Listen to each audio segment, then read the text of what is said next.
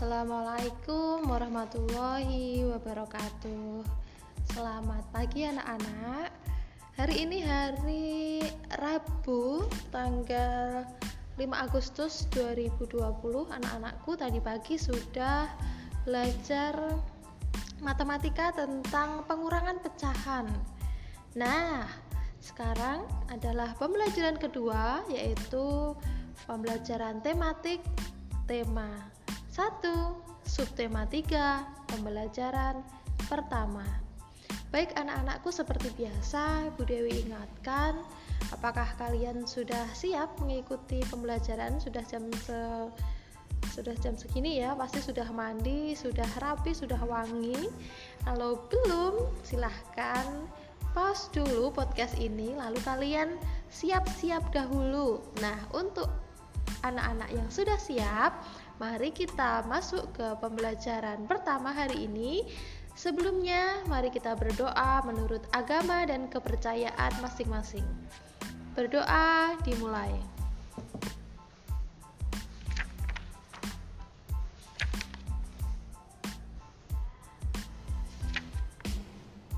Berdoa selesai anak-anakku, tujuan pembelajaran pada pagi hari ini adalah yang pertama, kalian e, mendapatkan pengetahuan tentang salah satu kerajinan tradisional Indonesia yaitu gerabah dari Pulau Madura dan kalian dapat mengembangkan ide pokok menjadi sebuah paragraf. Kalian nanti akan diminta membuat paragraf dari ide pokok yang sudah ditentukan. Nanti ditulis di buku menulis halus ya. Ingat dalam menulis paragraf tidak boleh diberi nomor. Awal paragraf diawali dengan kalimat yang penulisannya menjorok ke depan jadi tidak perlu diberi nomor. Selanjutnya mari kita buka Buku paketnya halaman 124. Ada bacaan berjudul Gerabah dari Pulau Madura. Silahkan dibuka halaman 124.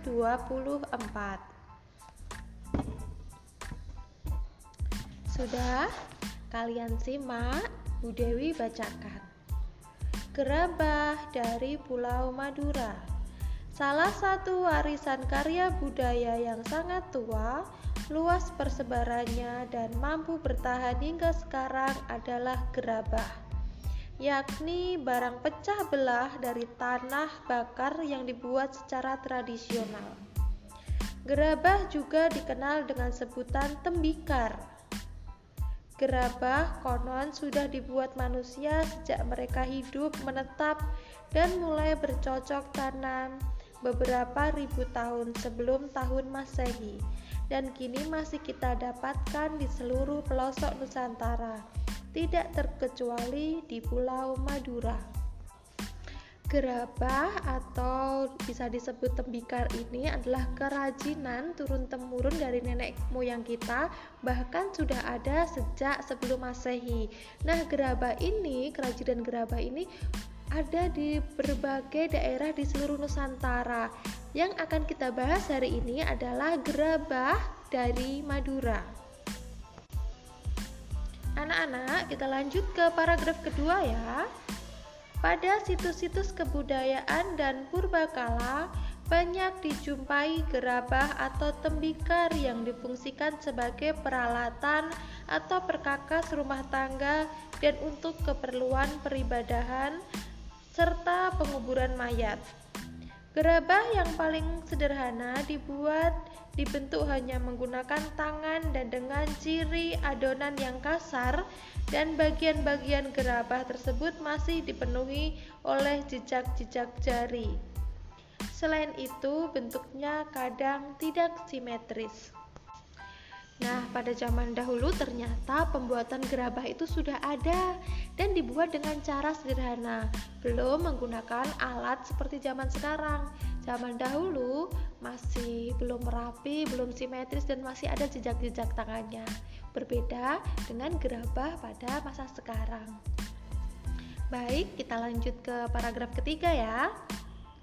Tidak terkecuali di Pulau Madura, gerabah dibuat untuk difungsikan sebagai peralatan sehari-hari masyarakat setempat yang dilakukan secara tradisional seperti apa yang dilakukan oleh para pendahulunya. Kesamaan pembuatan gerabah di Madura sekarang ini dengan para pendahulunya adalah Proses pembuatan dan bentuknya yang masih tradisional sama seperti gerabah-gerabah yang dihasilkan pada zaman dahulu. Gerabah-gerabah yang dihasilkan oleh para pengrajin di Madura adalah gerabah yang dibuat dari tanah liat yang berwarna kuning dengan pasir halus. Tanah liat hitam dapat juga dipergunakan, tetapi kualitasnya kurang baik. Nah, ini ternyata yang membedakan gerabah di Madura dengan gerabah di da daerah lain. Kalau gerabah di daerah Madura itu terbuat dari tanah liat yang berwarna kuning dengan campuran pasir halus. Sebenarnya ada juga tanah yang tanah liat yang berwarna hitam itu tapi kualitasnya kurang baik. Jadi di sana yang digunakan adalah tanah liat dengan warna kuning, ada campuran pasir halus.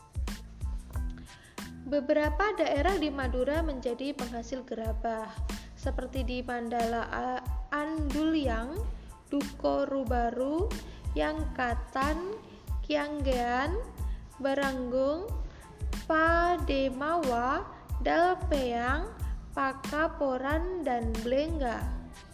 Blengga Bangkalan.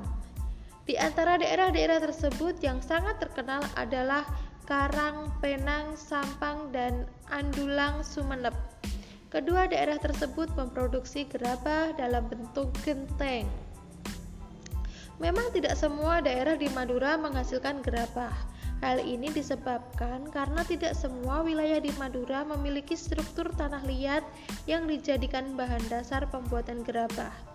Secara umum, tanah-tanah di Madura mengandung pasir yang tinggi karena Pulau Madura dikelilingi oleh pantai sehingga tidak bisa digunakan untuk membuat gerabah.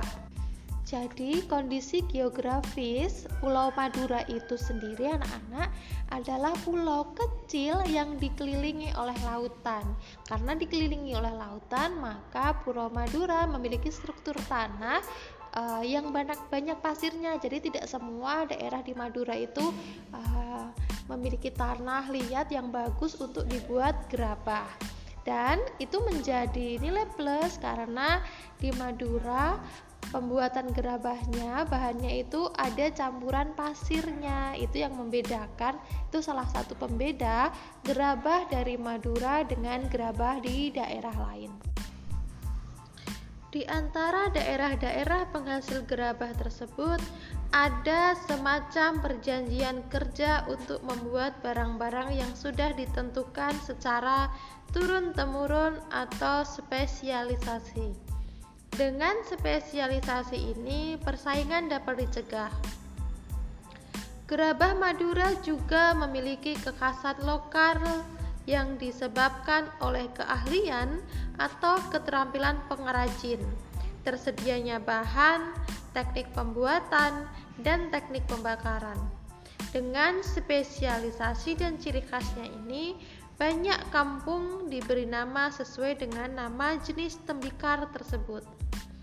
Nah, ternyata selain bahannya berbeda, ada juga ciri khas gerabah atau tembikar dari Madura ini, yakni teknik pembuatan, teknik pembakaran, keterampilan pengrajinnya. Nah, kita lanjut ke paragraf berikutnya ya. Peralatan pengrajin gerabah Madura adalah alat-alat tradisional yang tidak jauh berbeda dan dengan yang sudah digunakan pada zaman prasejarah. Alat-alat umum adalah cangkul, linggis, ember, dan alat-alat khusus seperti berikut.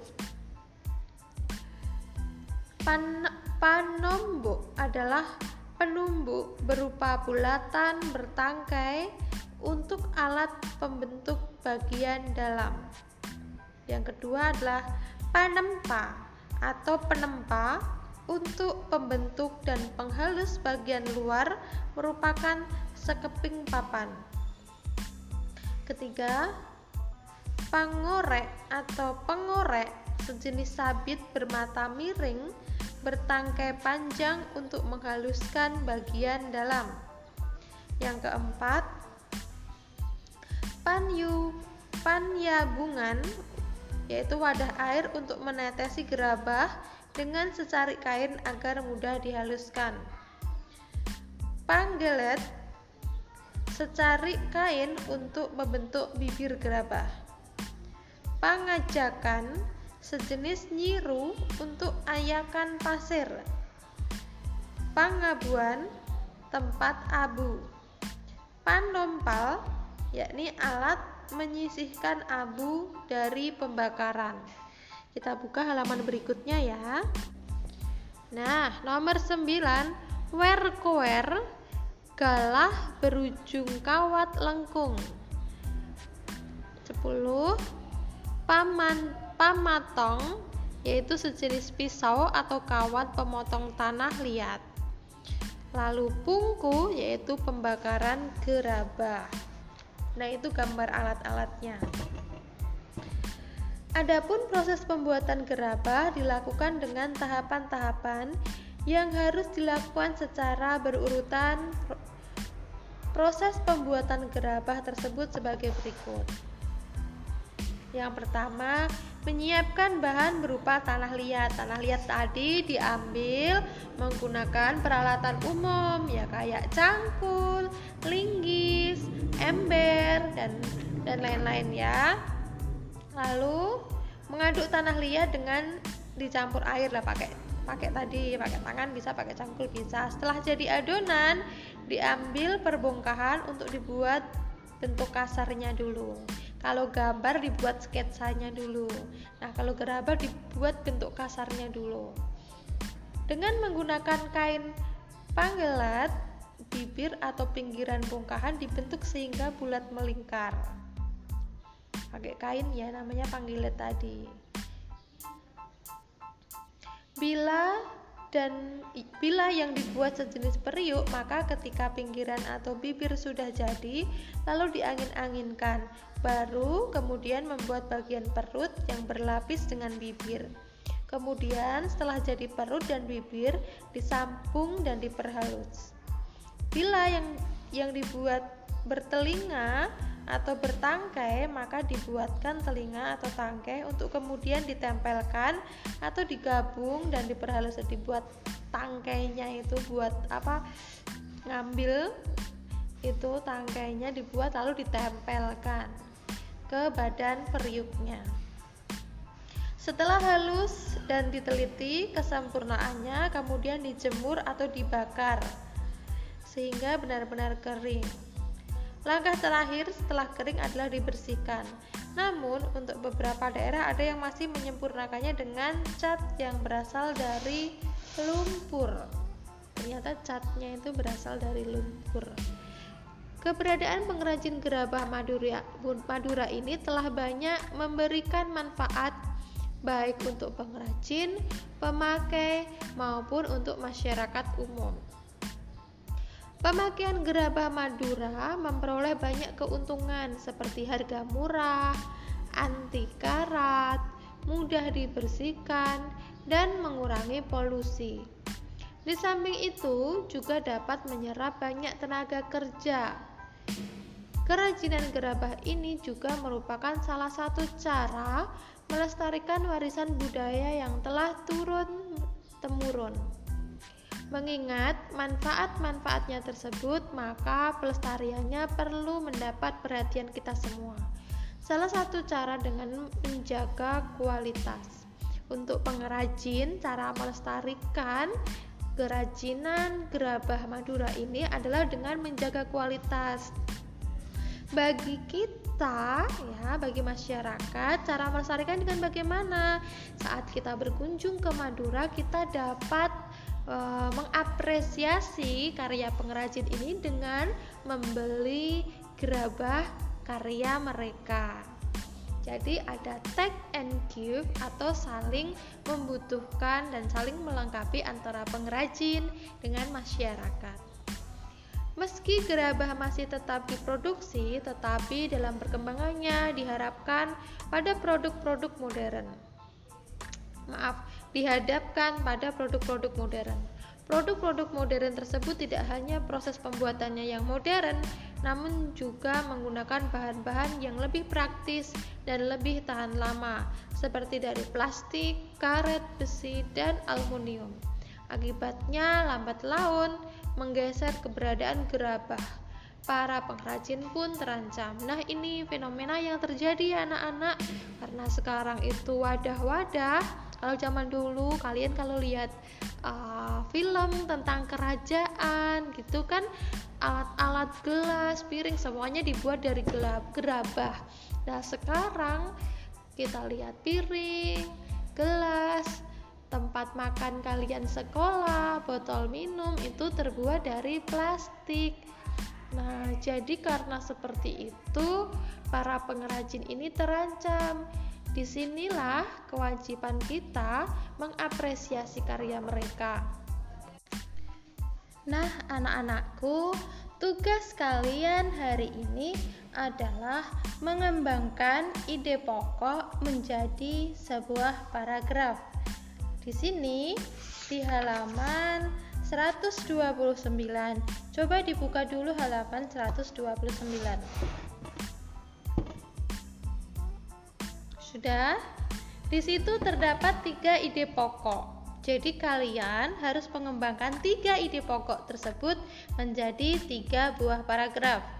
Paragraf yang pertama, ide pokoknya adalah tanah liat banyak kegunaannya. Kalian tulis tanah liat banyak kegunaannya. Lalu kalian kembangkan dengan kalimat pengembang yang intinya menjelaskan apa saja kegunaan tanah liat. Intinya tentang uh, menjelaskan bahwa tanah liat itu banyak kegunaannya. Yang kedua, paragraf kedua, proses pembuatan gerabah dari tanah liat. Kalian tulis dulu tuh proses pembuatan gerabah dari tanah liat. Titik. Lalu kalian jelaskan bagaimana tadi. Kalian masih ingat kan? Uh, kalian juga dapat melihat bacaan pembuatan gerabah dari Pulau Madura tadi. Bagaimana proses pembuatan gerabah dari tanah liat atau kalian mencari informasi sendiri proses pembuatan gerabah di daerah lain. Bisa dari Jogja, bisa gerabah dari Solo. Kalian cari di internet karena sekarang eranya era digital kalian bebas mencari informasi dari mana pun yang ketiga adalah manfaat ma aduh maaf diulangi ya macam-macam peralatan yang terbuat dari tanah liat Nah, kalian tulis dulu macam-macam peralatan yang terbuat dari tanah liat. Lalu kalian jelaskan apa saja tuh macam-macam peralatan yang terbuat dari tanah liat. Sudah jadi. Tiga paragraf. Ingat, penulisan paragraf harus diawali dengan kalimat yang menjorok ke depan. Selain itu, ini pembuatan tiga paragraf ini ditulis di buku tulis halus ya. Tulisannya yang rapi tidak perlu diberi nomor. Kalian bisa menulis judulnya. Judulnya misalkan gerabah. Atau uh, gerabah atau kerajinan gerabah. Boleh seperti itu. Kalian terus judul lalu kembangkan ide pokok. Tiga ide pokok ini menjadi tiga buah paragraf Sekian anak-anakku pembelajaran pada hari ini. Selamat belajar ya. Assalamualaikum warahmatullahi wabarakatuh.